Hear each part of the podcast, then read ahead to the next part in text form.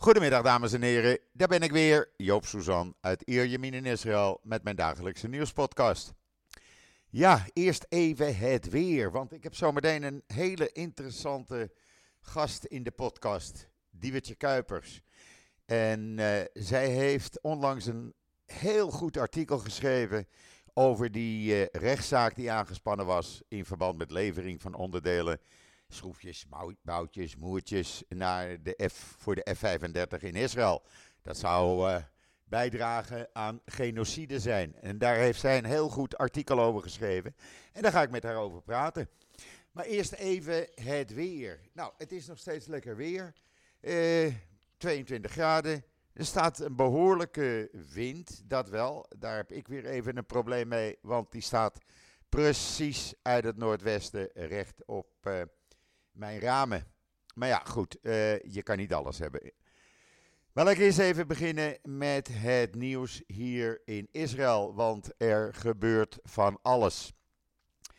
Uh, ten eerste zijn er geruchten dat er sprake is van een nieuwe overeenkomst uh, in verband met het vrijkrijgen van die gijzelaars. Netanyahu heeft gisteravond gesproken met een aantal familieleden van gegijzelden. En er wordt gemompeld uh, dat er mogelijk één of twee weken een wapenstilstand zou zijn. Dan zouden er 40 en misschien mogelijk alle 129 gijzelaars uh, vrijkomen. Die zouden dan geruild worden tegen uh, Palestijnen die vastzitten in Israël. Maar het probleem is dat Hamas waarschijnlijk eist, ja, ze eisen, dat er belangrijke gevangenen worden vrijgelaten, zoals Barghouti. Nou, we gaan het zien, we gaan het meemaken. Ik hou jullie op de hoogte. En dan uh, heeft de IDF gisteren ongeveer 300 doelen aangevallen. Kan je allemaal zien op israelnieuws.nl. Daar heb ik de video staan.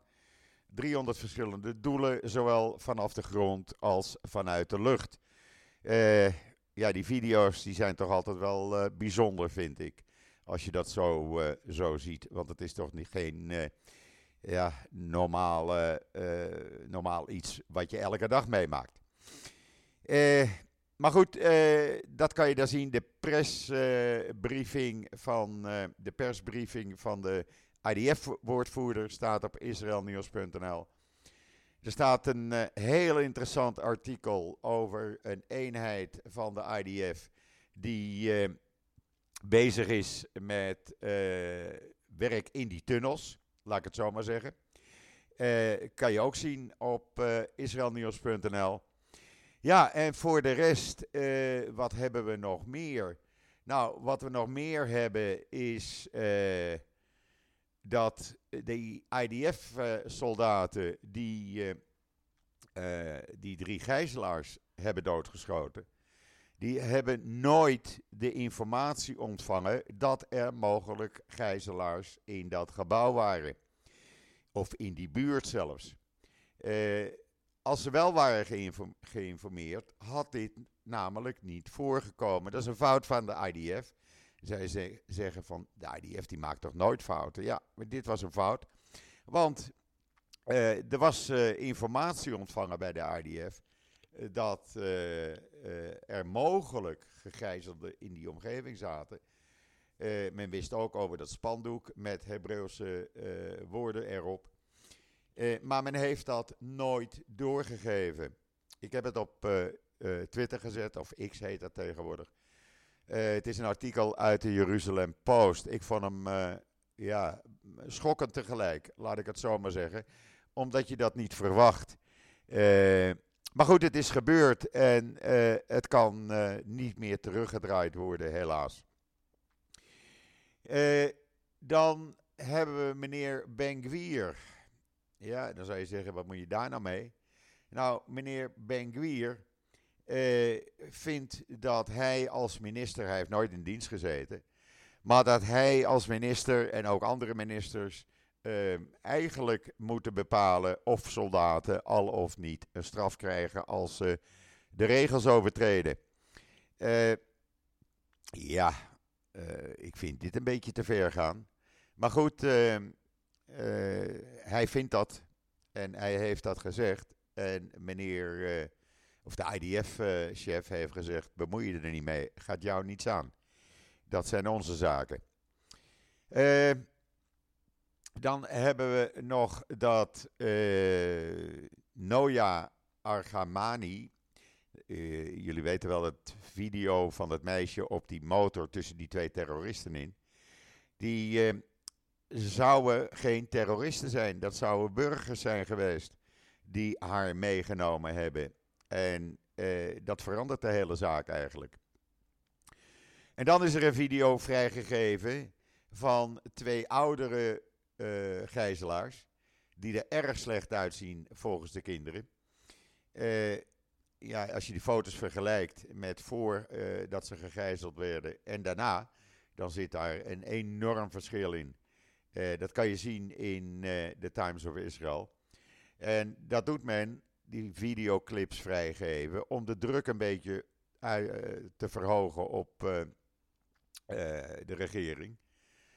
Uh, we hadden eerder al die uh, clip van Hamas. Dit was er eentje van de Islamic Jihad. Die hebben ook gijzelaars uh, in handen. we hadden eerst die clip van Hamas met drie, ook drie oudere mannen erop. Die er ook slecht uitzien in hun t-shirtje. En nu dus van Islamic Jihad.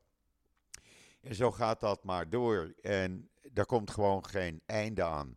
Gisteren hebben we trouwens nog een hele grote, zo'n 50, 60 raketten, die uh, richting Tel Aviv en omgeving uh, werden afgevuurd. Uh, werd niet meer verwacht, maar het gebeurde toch. Op dit moment is de IDF bezig met aanvallen in Zuid-Libanon. Zodra er een video van is, laat ik die jullie zien, want dan zet ik hem even op alle social media. Men is ook bezig in de Westbank.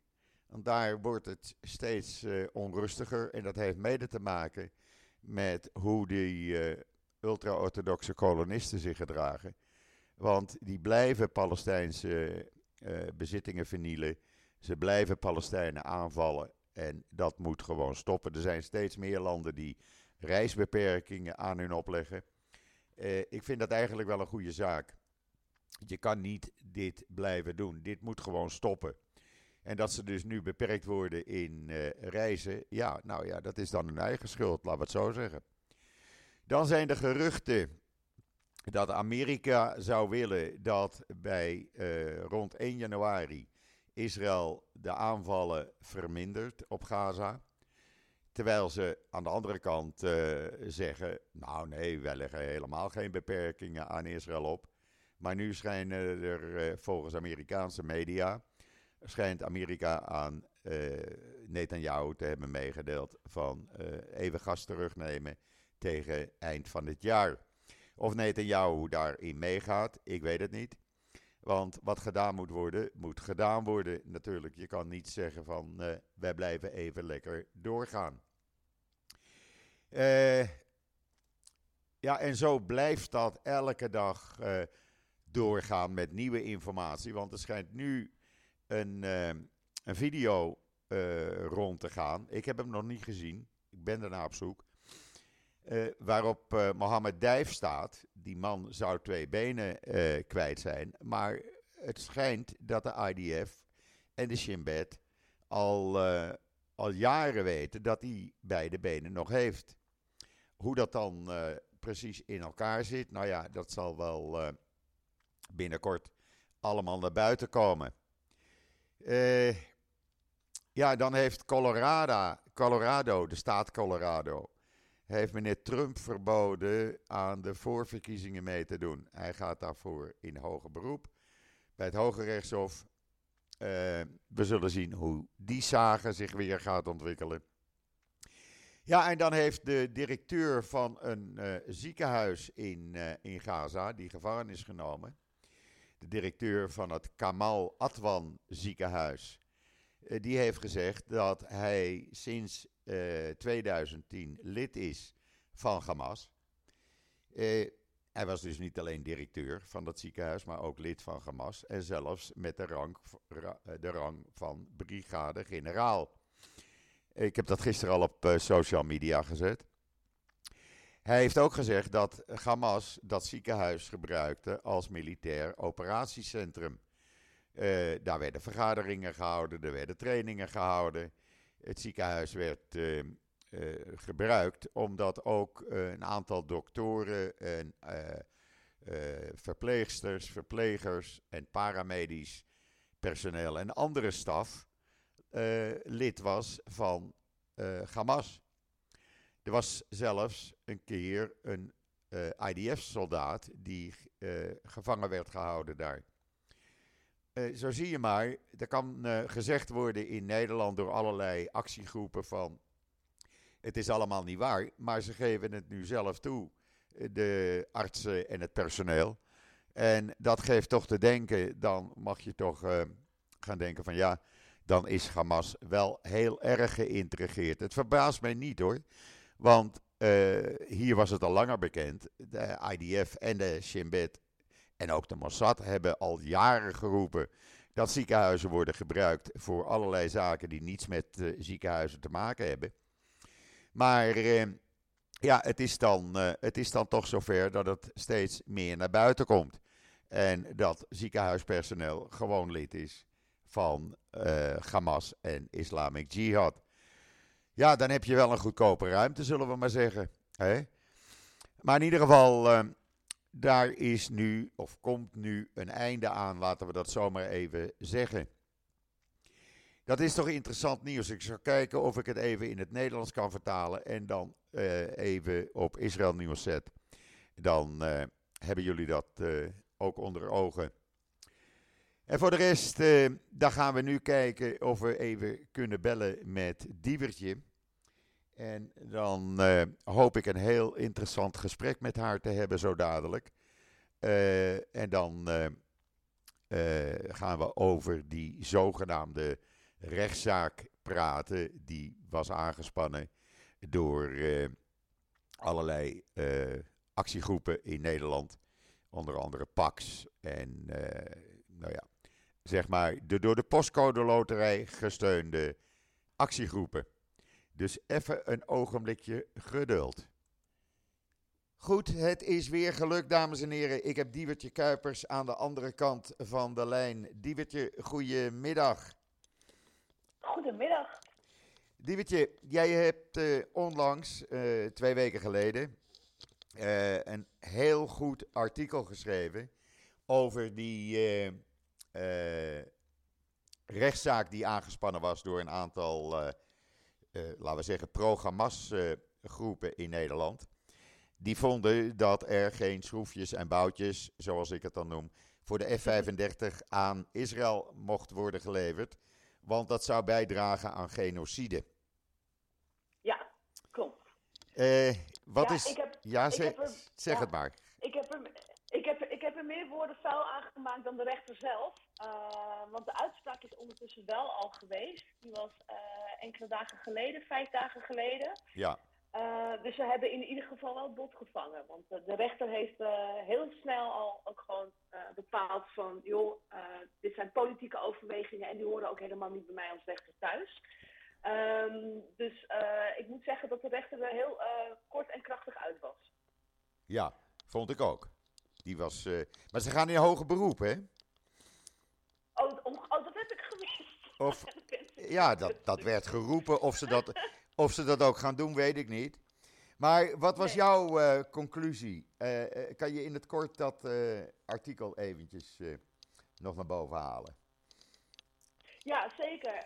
nou ja, wat mij opviel, kijk, enerzijds, ik, ik snap natuurlijk best dat, dat je kritiek kan hebben op de manier waarop het Israëlische leger nu te werk gaat. Hè. Je kan je afvragen of de militaire doelen die ze zich hebben gesteld, of, of, of de bombardementen daar altijd een, een, ja, een goede methode voor zijn. Maar dat is natuurlijk een, een politieke discussie. Um, en wat ik zag gebeuren, en dat was eigenlijk ook voor mij de reden om dit stuk ook te schrijven. Ik had enkele weken daarvoor al een stuk geschreven naar aanleiding van een NRC-artikel over een uh, gelekt memo van de defensieattaché met de ambassade in Tel Aviv. Ja. Um, en wat mij opviel in dat artikel is dat op basis van fragmentarische zinnen um, er hele zware conclusies werden gehangen aan het vermeende politieke intenties van Israël en misschien ook wel Nederland. Ehm, waar ik dat gewoon niet terugzag. Um, en misschien handig om erbij te zeggen, ik ben van huis uit politicoloog, gespecialiseerd ook in militaire interventies en dus ook geweldsoptreden door, uh, door democratieën. En vanuit die context uh, uh, en vanuit de literatuur zag ik aan de manier waarop die zinnen waren geformuleerd dat het onderdeel wel moest zijn van een bredere analyse. Ja. En je moet je voorstellen, op zo'n ambassade, dan gaat uh, zo'n uh, attaché die verzamelt dan informatie dan, hè, die dan voor defensie van belang is. En daar staan gewoon politieke mitsen, maren, afwegingen, inzichten. Um, en dat is eigenlijk een heel breed pakket aan overwegingen die tezamen een beeld moeten opleveren. Ja. En het is heel makkelijk om uit zo'n soort analyse selectief te gaan shoppen.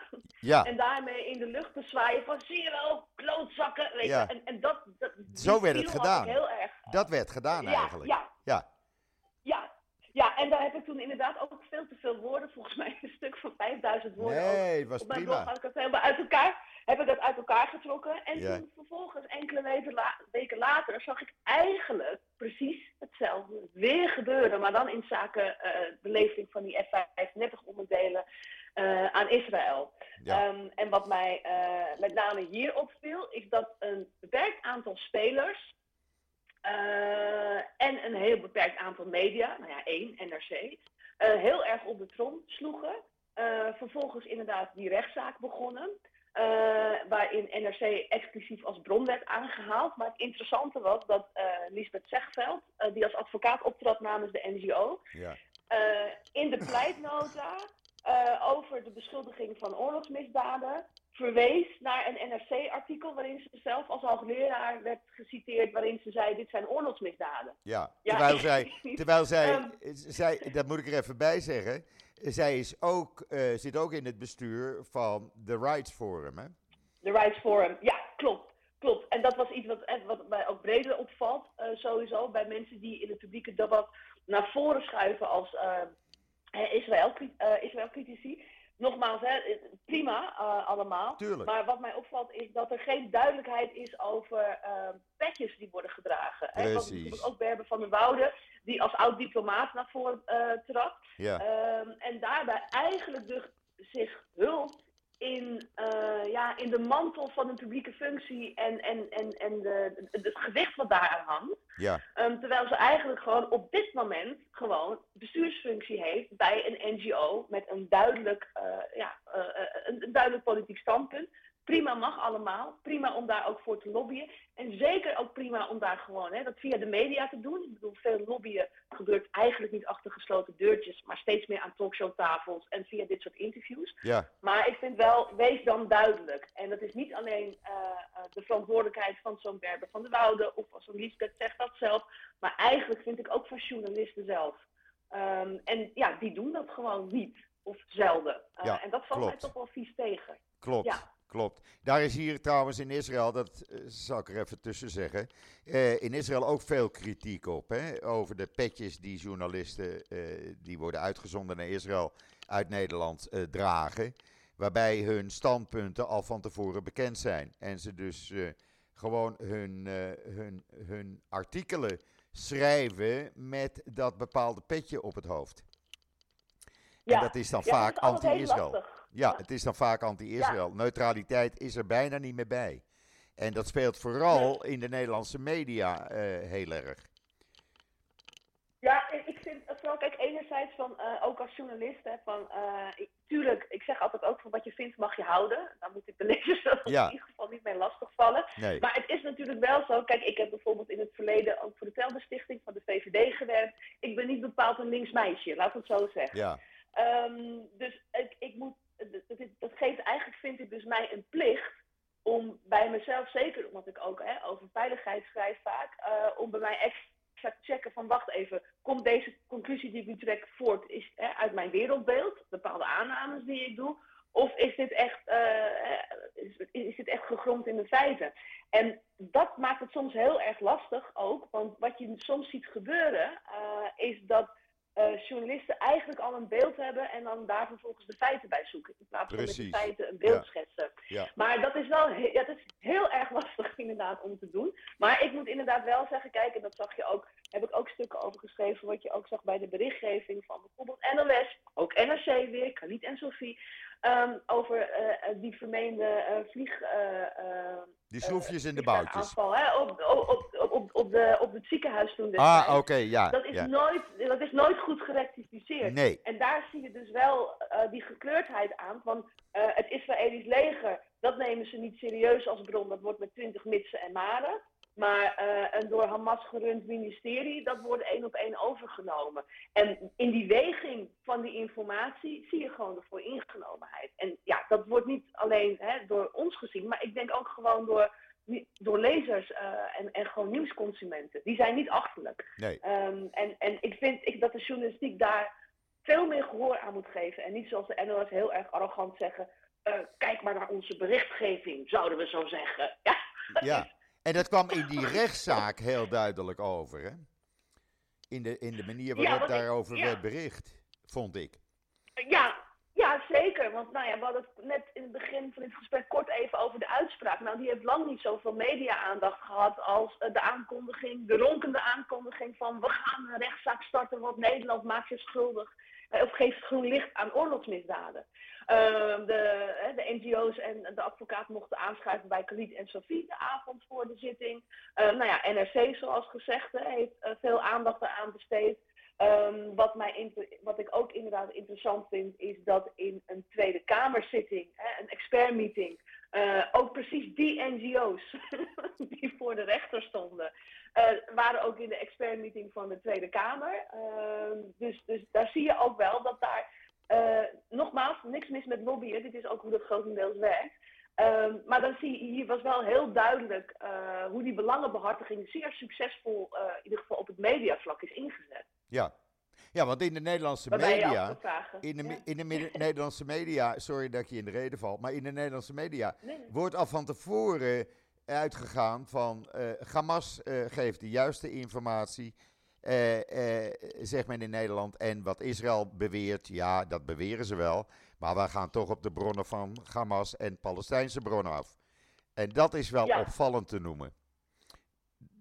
Ja, ik, ik, het heeft denk ik ook iets te maken met. eh, we hebben het over die, die, die onderliggende ideologische aannames, die iedereen eigenlijk heeft. Maar ik vermoed ook, wat je vaak ook ziet, dat eh, journalisten soms het, ehm, de denkfout maken dat omdat een bepaalde partij betere wapens heeft en daarmee machtiger is, daarmee dus nooit moreel de juiste partij kan zijn. En dat het de taak is van de, van de journalist om altijd voor de underdog op te komen. Ja. En dat is een hele rare, eh, valse morele equivalentie eigenlijk. Maar ik vermoed wel dat dat er eh, best wel diep in zit. Want eh, dat hebben we niet. En dat zie je overigens niet alleen bij dit conflict hoor. Dat zag je eerder ook al hè, bij ingrijpen in Libië of ging over eh, Irak en Afghanistan.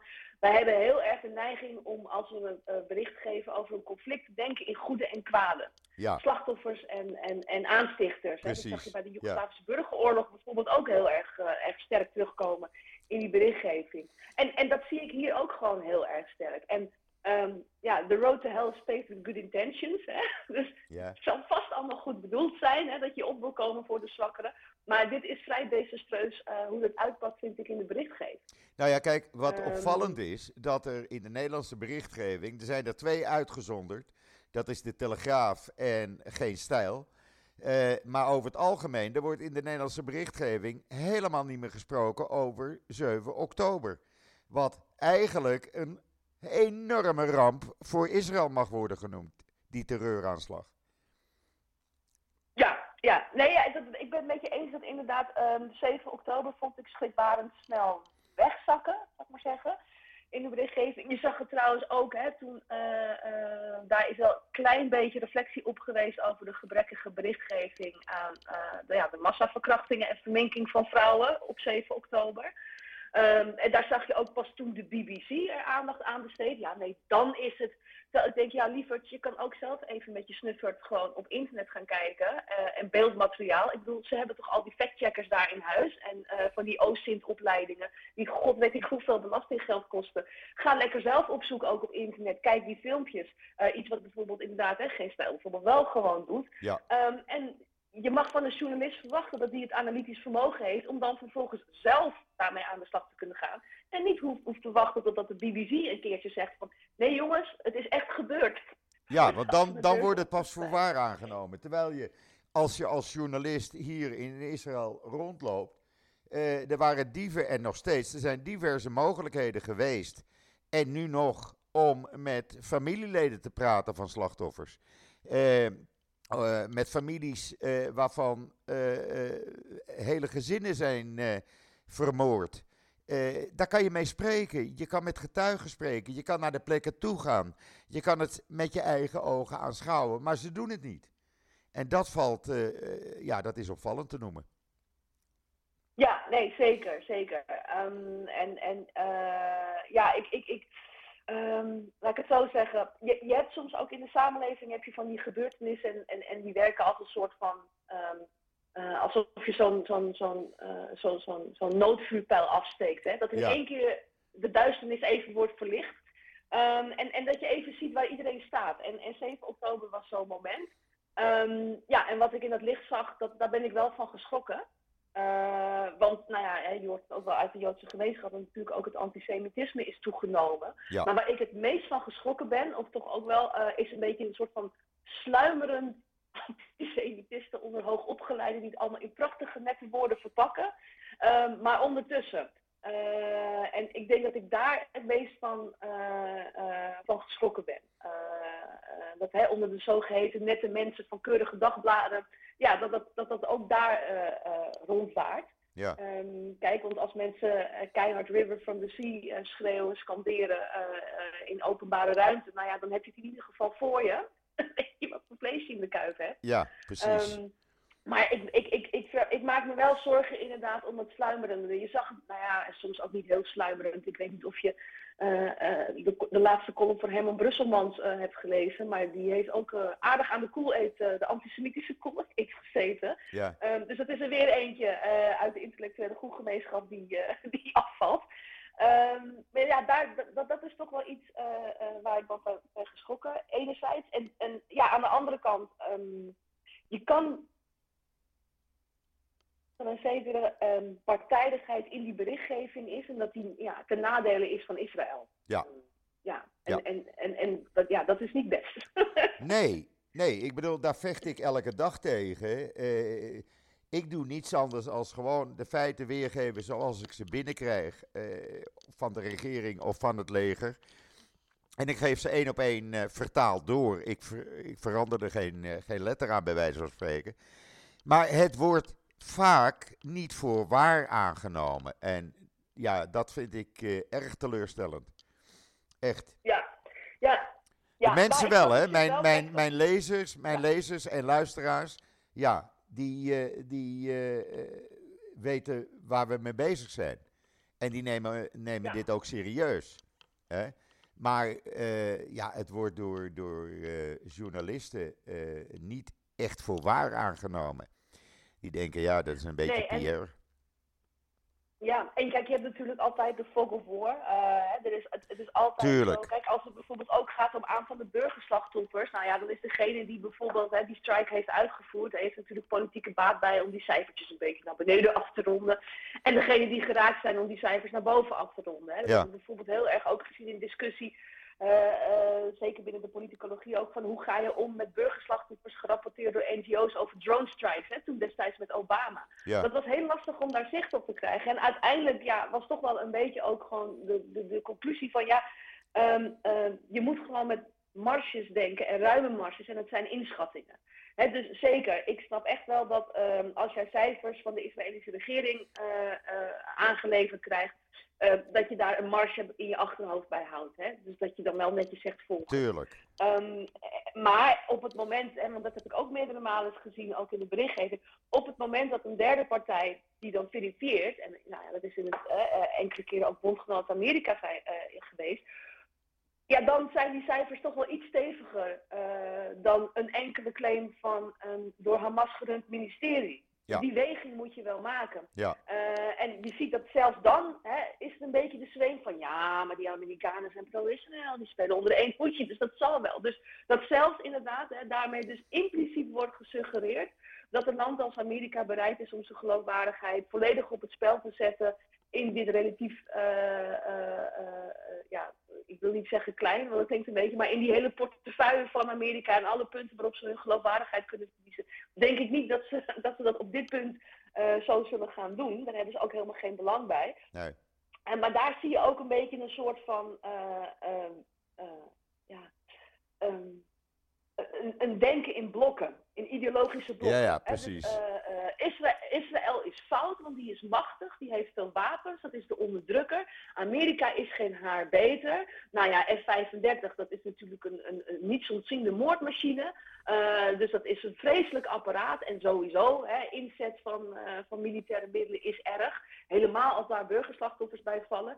Dus dat is een soort van, van denkpatroon, uh, wat je heel duidelijk terugziet. En wederom, ik vind het totaal niet verrassend dat je die bij, bij NGO's, uh, anti-oorlog NGO's zoals PAX, dat je die daar aantreft.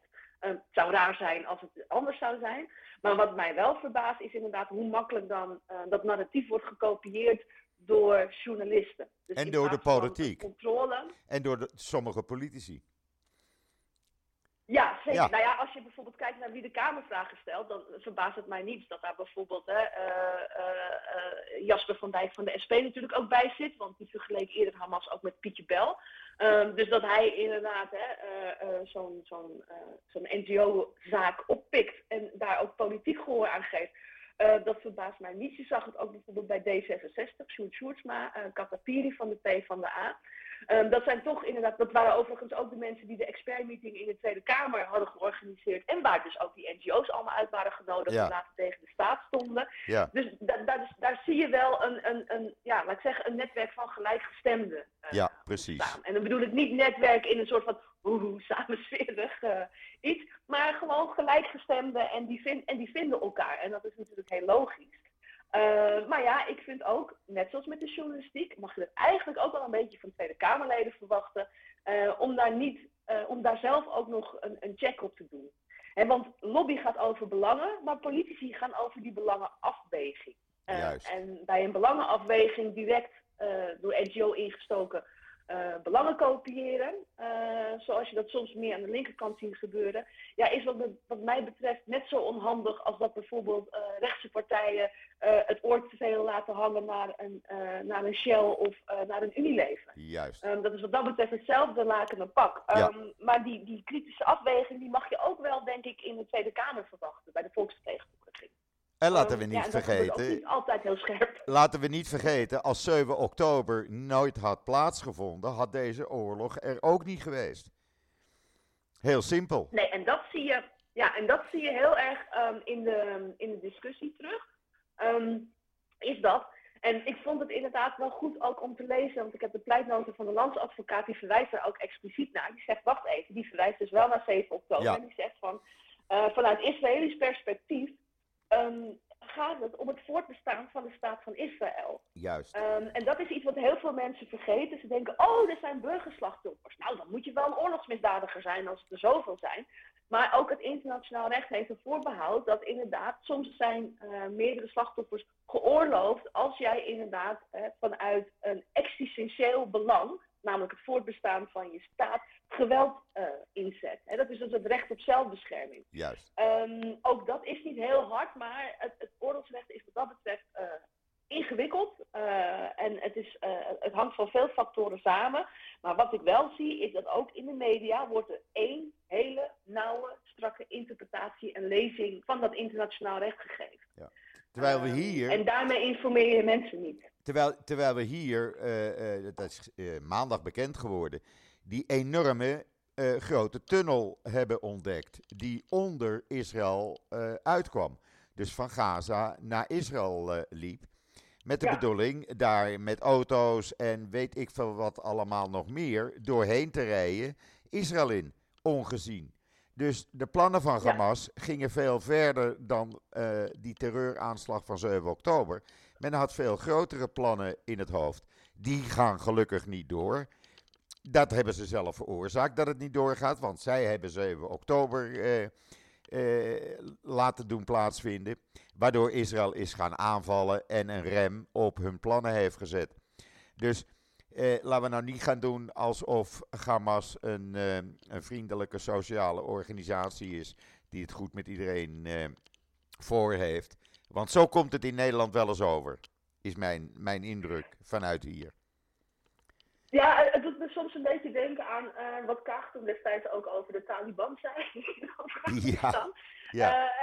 Toen, ja, maar, maar toen was het ook een gelegenheidsargument om een politieke lijn te verantwoorden. Van nou nee, ja, we trekken ons terug uit Afghanistan, maar met die Taliban valt wel te praten hoor. Ja. Um, dus dan zie je eigenlijk dat het argument uh, dienstbaar is aan de onderliggende politieke wenselijkheid. Uh, en dat zie je eigenlijk denk ik ook heel goed terug in die tunnels. Want inderdaad, als die tunnels, hè, want dat heeft Israël nu laten zien, je zag ook dat die tunnels in twijfel werden getrokken. En dat snap ik wel. Nogal wie dus. Want als jij moet toekennen of toegeven dat inderdaad die tunnels er zijn, dan moet je toegeven dat er gewoon een militaire infrastructuur ondergronds aanwezig was. Juist. Um, die niet worden gebruikt als schuilplaatsen voor de burgers tegen die vreselijke bombardementen van Israël. Nee. Maar die worden gebruikt voor offensieve operaties.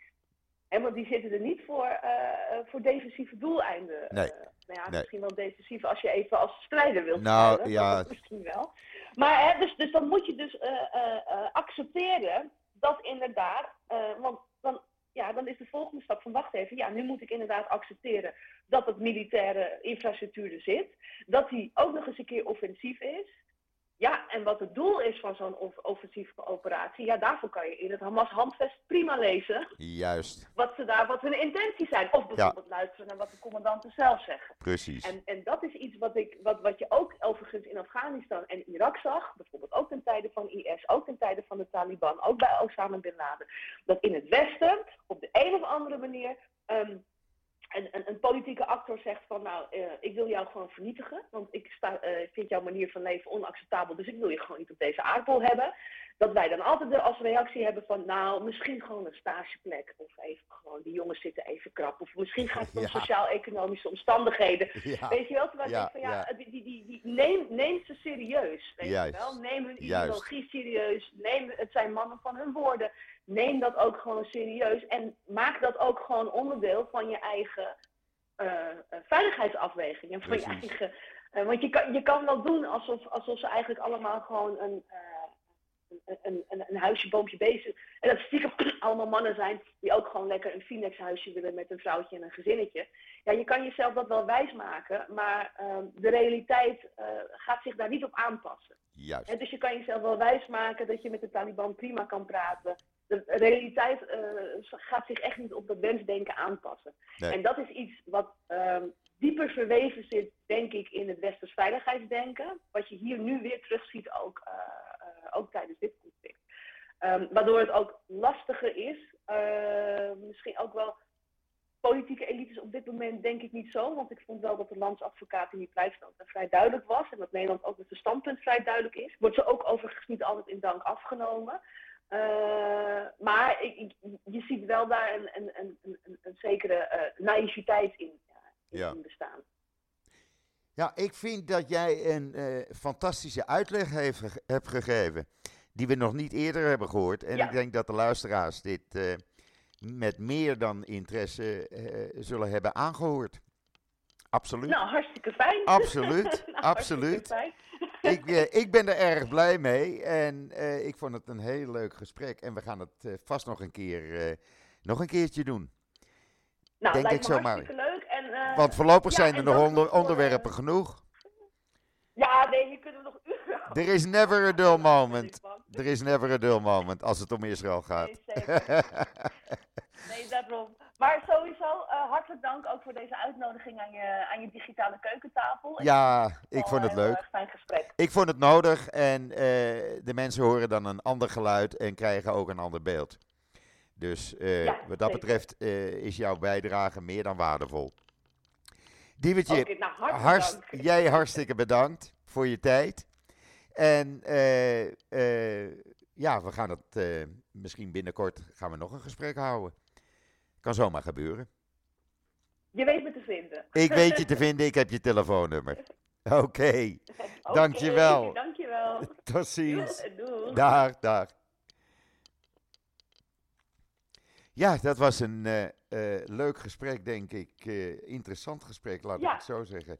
Met eh Dievertje. En ik hoop dat jullie er wat van opgestoken hebben. Morgen hoop ik er weer te zijn met Esther Voet. En ik zeg zoals altijd, ik ben er morgen weer. Tot ziens. Tot morgen.